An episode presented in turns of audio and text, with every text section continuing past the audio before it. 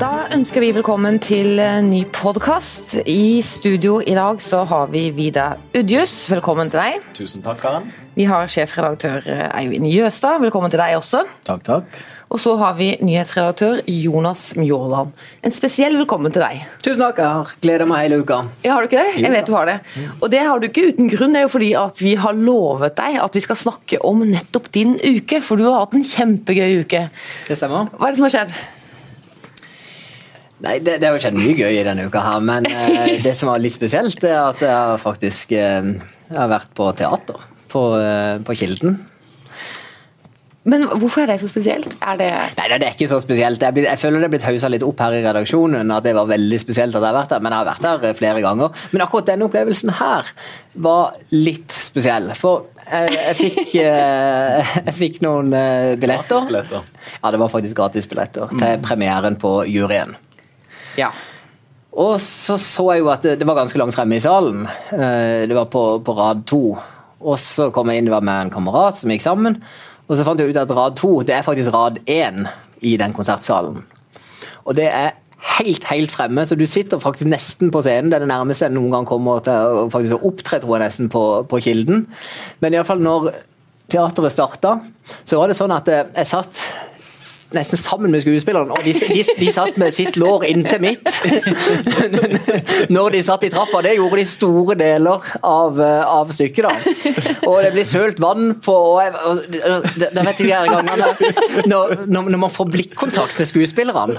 Ja. Og så er det litt sånn, der- det er sånn smånervøs som det Og så må du kikke ned heller. ja, ja, du må kikke ned, for jeg har jo en sånn vond opplevelse fra en gang jeg var på et sirkus, det var sikkert 30 år siden. Der ble jeg tatt, tatt opp til klovnene. Og derfor tenkte jeg, er, er det sånn på teater? Kan jeg bli tatt opp på scenen plutselig? liksom Hvis jeg plutselig har blikkontakt her. Men det gikk veldig greit. Det var en god, eh, det var en god forestilling, selv om det var en litt sånn At du kom tett på. Det kom veldig tett på. Men jeg, Men Det er i hvert fall om å gjøre ikke duppe da, når du sitter på første rad. Ja, men det, det, var, det var eh, gode skuespillere og eh, morsomt, og interessant, sånn, så det var ingen fare for at jeg skulle duppe. Men du klarte å holde deg unna telefonen nå? Du begynte ikke å sånn sjekke telefonen underveis? og jeg satt jo to rader bak, så på det vil jeg svare så å si. Ok. Ja, han var, hadde, hadde han telefonen oppe? Du hadde vel den oppe et par ganger under forestillingen, men det er utrolig Det var bare for å ta bilder, må du si, Jonas. Ja. For å bekrefte at du var der. Du vet jo det at Skuespillerne ser jo alt. Vi tror ikke de ser oss selv om de sitter på rad åtte, men de ser jo alt. De har full kontroll. Ja, men men på rad én så tror jeg de Så de husker deg, Jonas. Men var det siste gang på en stund? Var det litt sånn eh, skrekk? Nei, eh, blandet- men neste gang kanskje det blir noe lenger bak. Men eh, nei, det ga absolutt, absolutt mer smak. Ja, så fint. Og stykket var jo bra, Jonas. Du var ganske begeistret for det når jeg snakket med deg etter forestillingen. Ja, det syns jeg. Jeg syns det var gode skuespillere. Selv om man kjenner historien og har eh, ja, sett film, og historien er jo eller Boka er vel eh, 50-60 år gammel, så er det jo høyaktuelt og, i forhold til ja, juryordning og den interaksjonen med, med juryen, og hvordan de eh, ja, snur i løpet av det en time og 45 minuttene som stykket varte. Og kom Ja. ganske tett på juryen, da. Jeg har aldri vært så tett på en jury. Det interessante er jo vel eh, de Nå har ikke jeg sett stykket, da, men jeg kjenner jo historien. og det er jo hun fikk for øvrig veldig god kritikk i Feven. Ternekast her. Fem, vel? En klar femmer, vil jeg Ja. si. Men det er jo de eh, som bestemmer seg først. Ikke sant? Og så de nølende er de som bikker det helt til slutt. ikke sant? Men litt, det er de der imellom. er jo fascinerende. Mm, Den store grå massen. Og det er jo Ja. den gruppedynamikken og det å være en minoritet og en majoritet i en sånn stemning eller en sånn mm, Og det å være tydelig kor. alene og stå imot en så sterk gruppe, eller så mange sammen, det Men hvem tenkte du at du var da, Jonas? Jeg er sikker.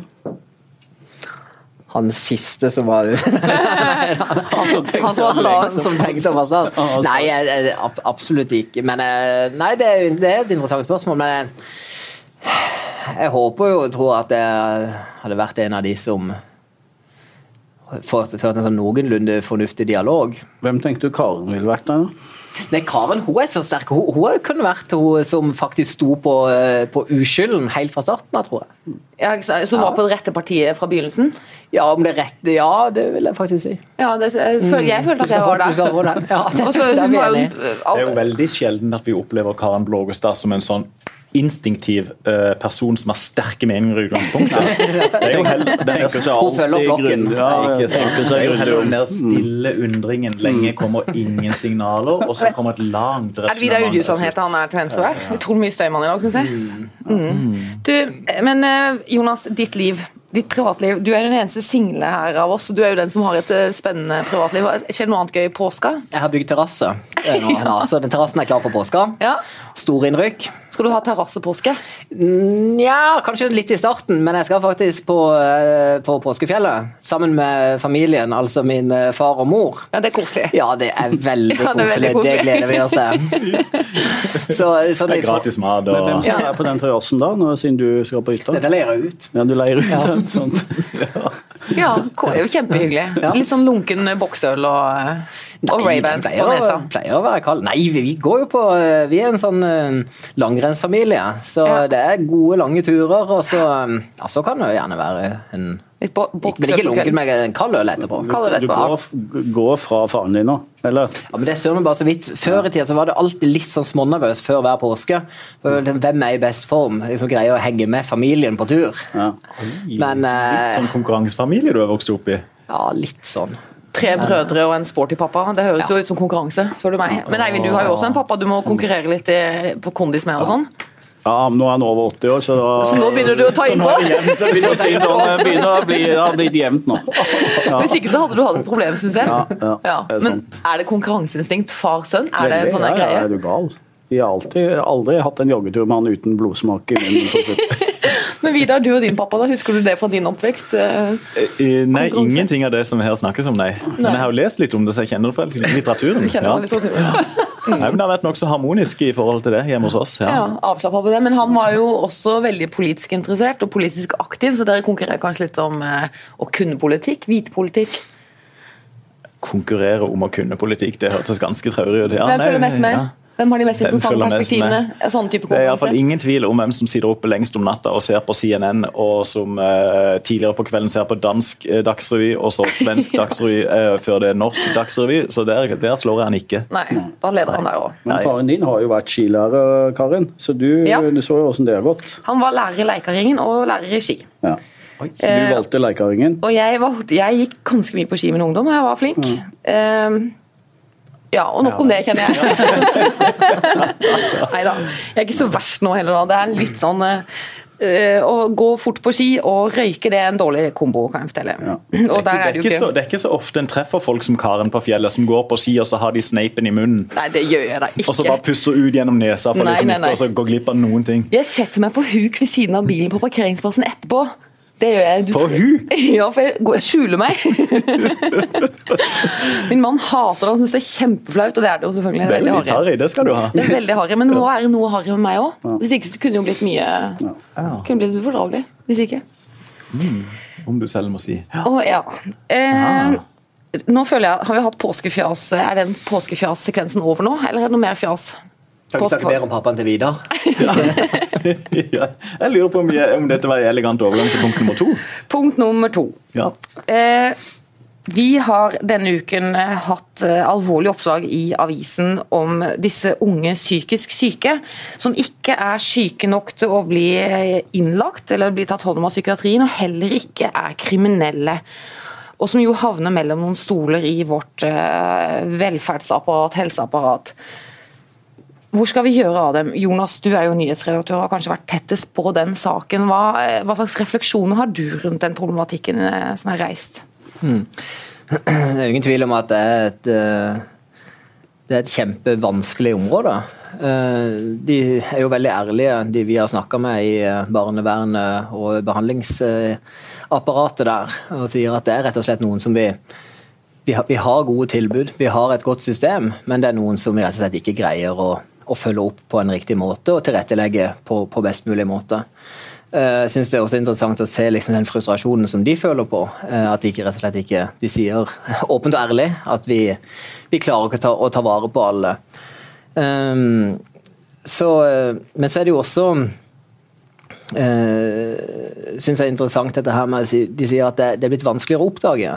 Før så tok man sterkere virkemidler i, i bruk, uh, rus og sånn, og da kunne man sette inn eh, apparatet for å for å behandle eller for å ta vare på, på de. Nå er det mer det at man ja, de sier vel trekker dyna oppover uh, hodet, og man gjemmer seg bort.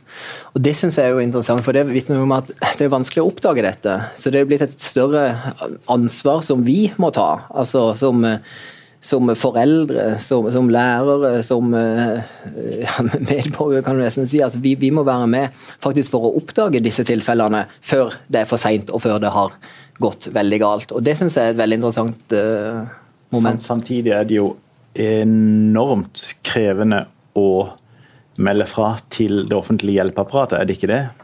Hvis du ser en eller annen som sliter, en ung gutt eller jente, det er iallfall for min del terskelen der for faktisk å eventuelt ringe barnevern, f.eks. Den, den føler jeg er veldig høy. Ja, Hvis du føler du ser omsorgssvikt? Ja. ja. Mm -hmm. Hva, ja, hva, tenker du, Karen? Vil det ikke, si dere det langt inne? Jo, det sitter langt inne. Det føles veldig alvorlig, men det er jo, og vi vet jo det, bedre å ringe en gang for mye enn en gang for lite. Mm.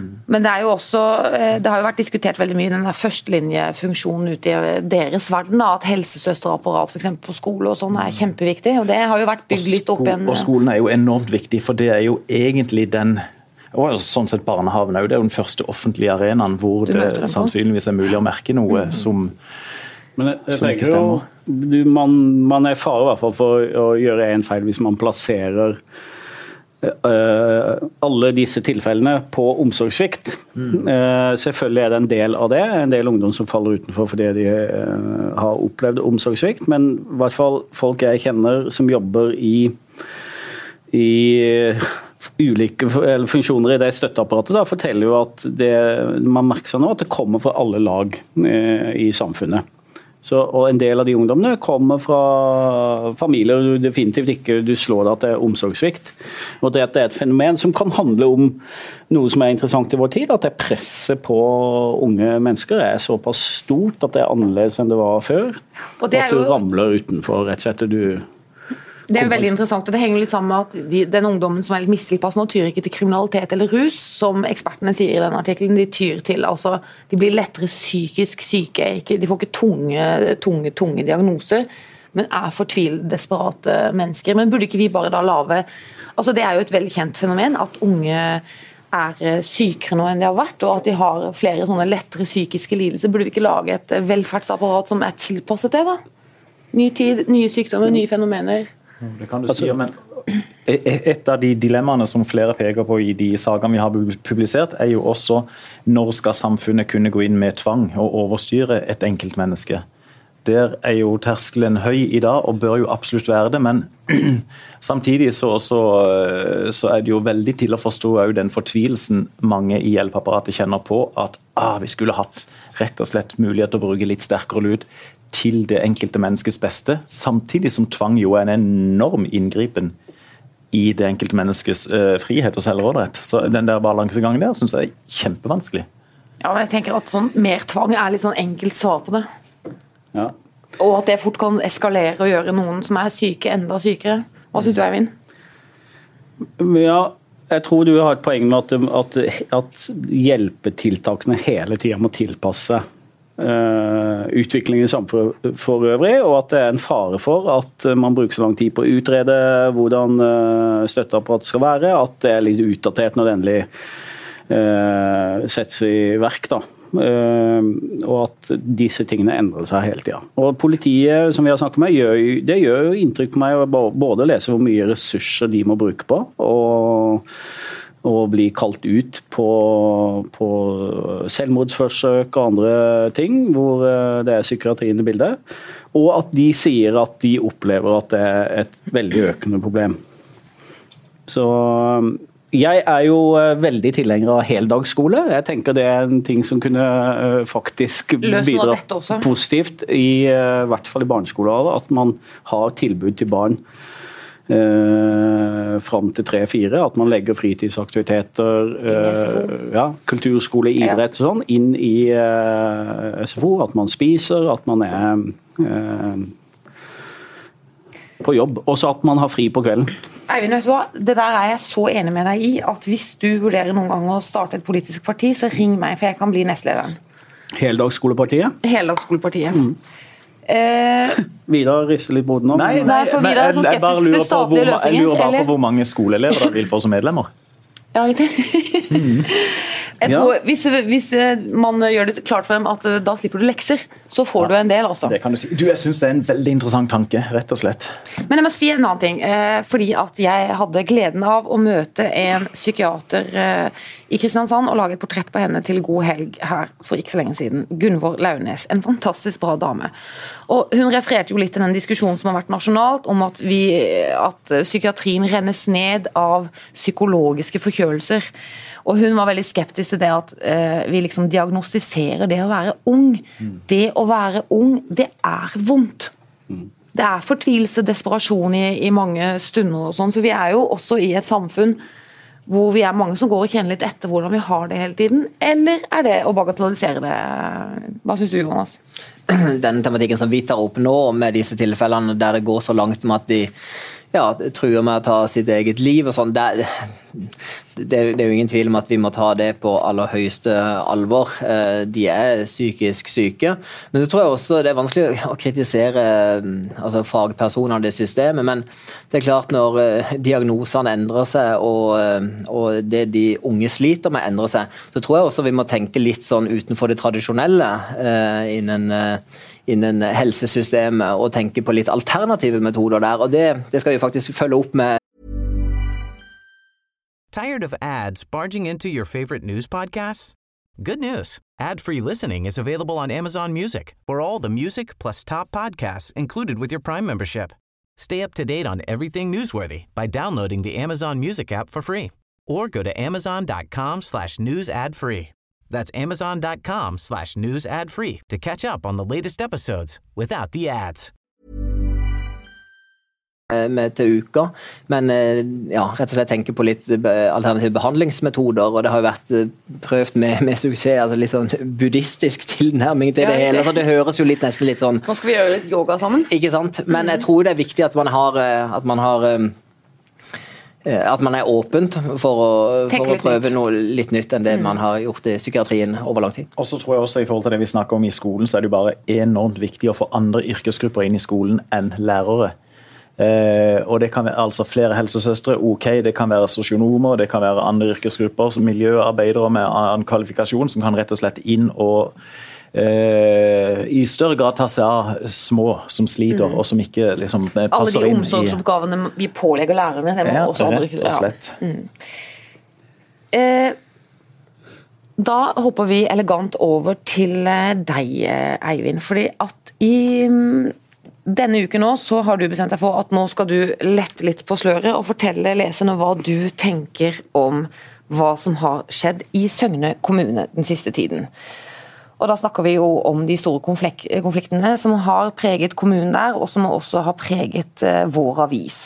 Og Vi har ikke skrevet så mye kommentarer om det eller ledere om det, og sånn, men nå har du bestemt deg for å klaske litt til. Fortell kort hva det går i.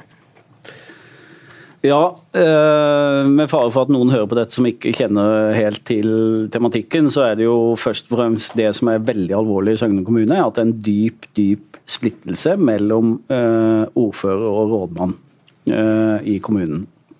Eh, og det sier seg sjøl at da er det veldig vanskelig å drive en kommune.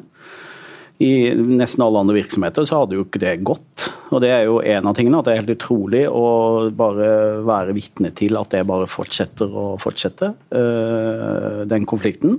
Og som da påvirker resten av både administrasjonen og det politiske miljøet i Søgne. Og der, sånn, at sånn det ser ut, så er det jo splittelse. Du, du blir tvunget til å velge side, om du er for rådmannen eller for ordføreren. og Det er jo veldig alvorlig. Så er det jo det som er enda mer alvorlig, egentlig, er at dette bunner i en del eh, personalsaker og varslingssaker som de har hatt i, i kommunen. Det er jo ille for enhver organisasjon virksomhet å få én varslingssak. Eh, Da kan man ofte det, og det er alltid flere sider av en sånn sak. Noen ganger handler det jo ikke om at det er noe galt med bedriften, men at det er en person som lager mye støy. Men i Søgne har de altså hatt 20 saker på uh, få år. Og da tenker jeg at da er det ikke de personene det er noe galt med, da er det organisasjonen som det åpenbart er noe galt med. Og så er det hvordan de har håndtert eh, disse sakene. Uh, hvor uh, jeg da mener at ikke de tar det nok på alvor.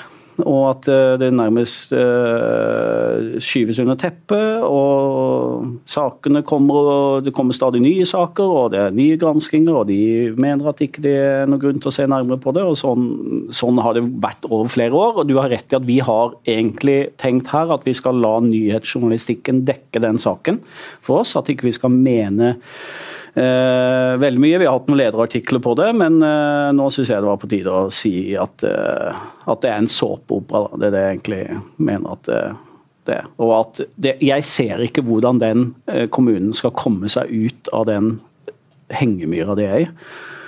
Og de, sannsynligvis vil de være der til de blir slått sammen med Sogndalen og, og, og Kristiansand. At det er det som på en måte redder, redder kommunen.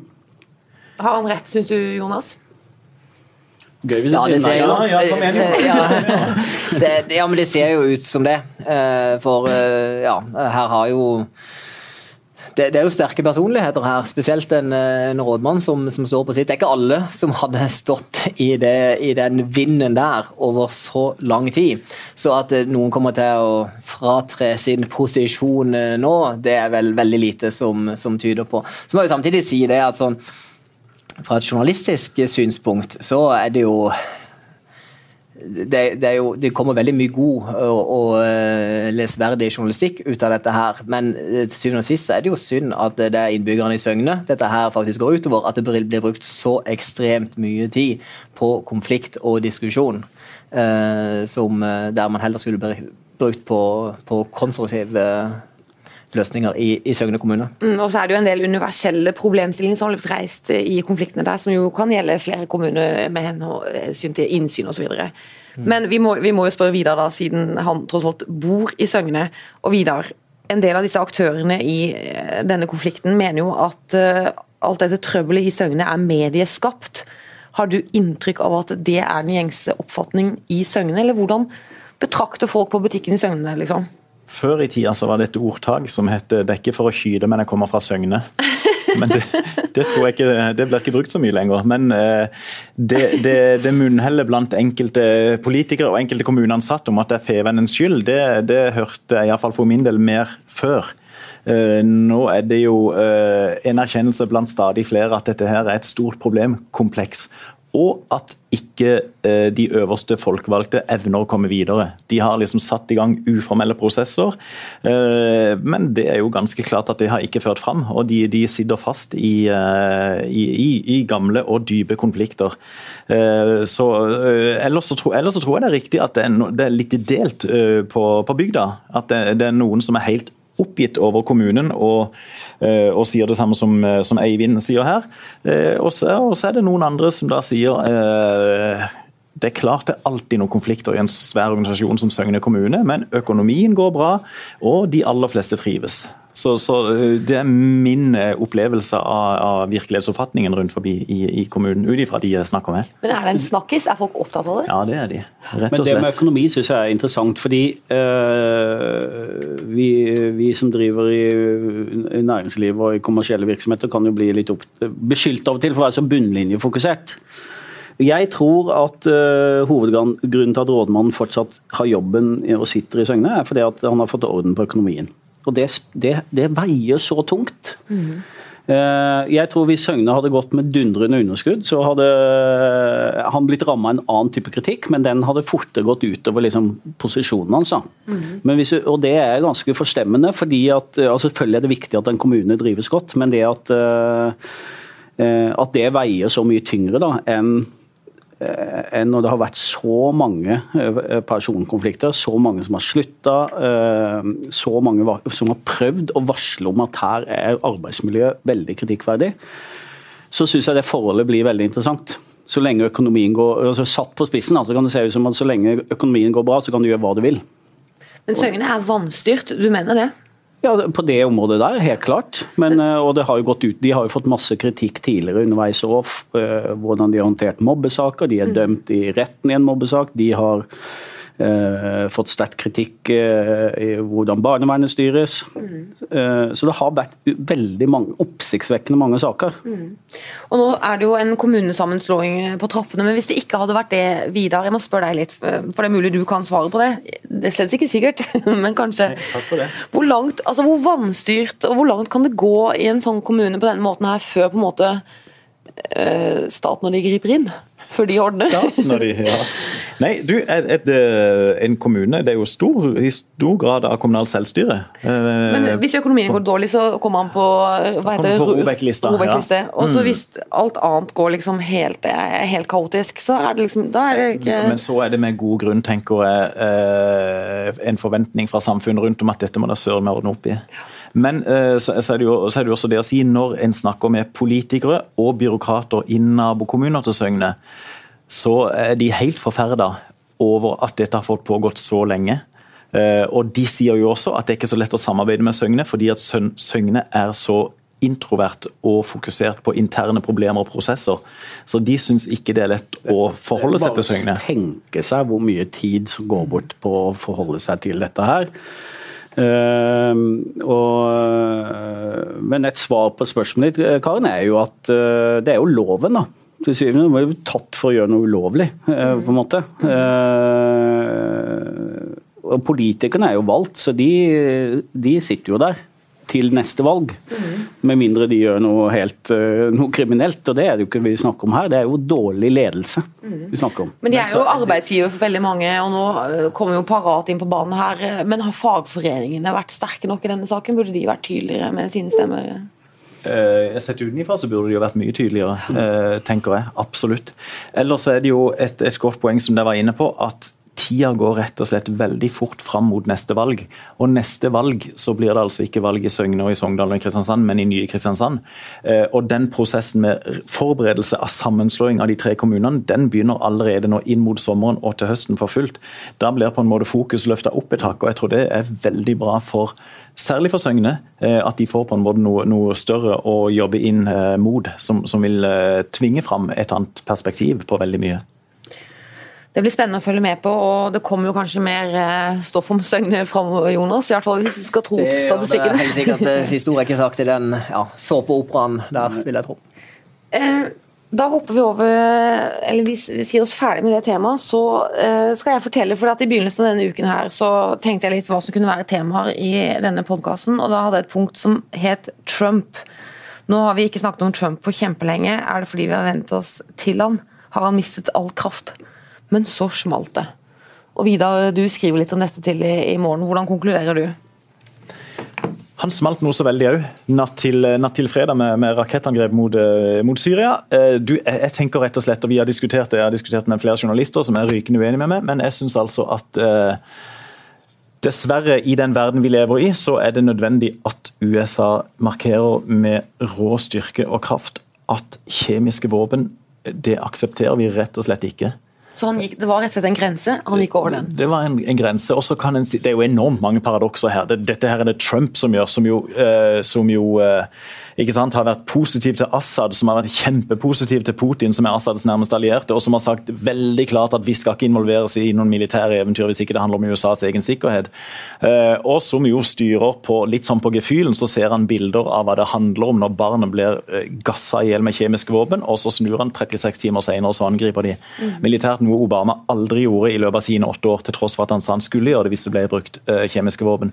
Så det er masse paradokser og enormt vanskelig. Våpen har jo ikke brakt fred til Midtøsten på noe vis, men problemet er at det, er andre krefter som bruker de mest bestialske formene for våpen. Um, og jeg, jeg, jeg, tror rett og slett at det er militær avskrekking som må til for å forhindre nye massakrer med, med kjemiske våpen. Men en annen konsekvens av dette, og da må jeg spørre deg, Eivind, for du har jo vært en av de som har vært aller mest bekymret for at eh, Trump ble president i USA.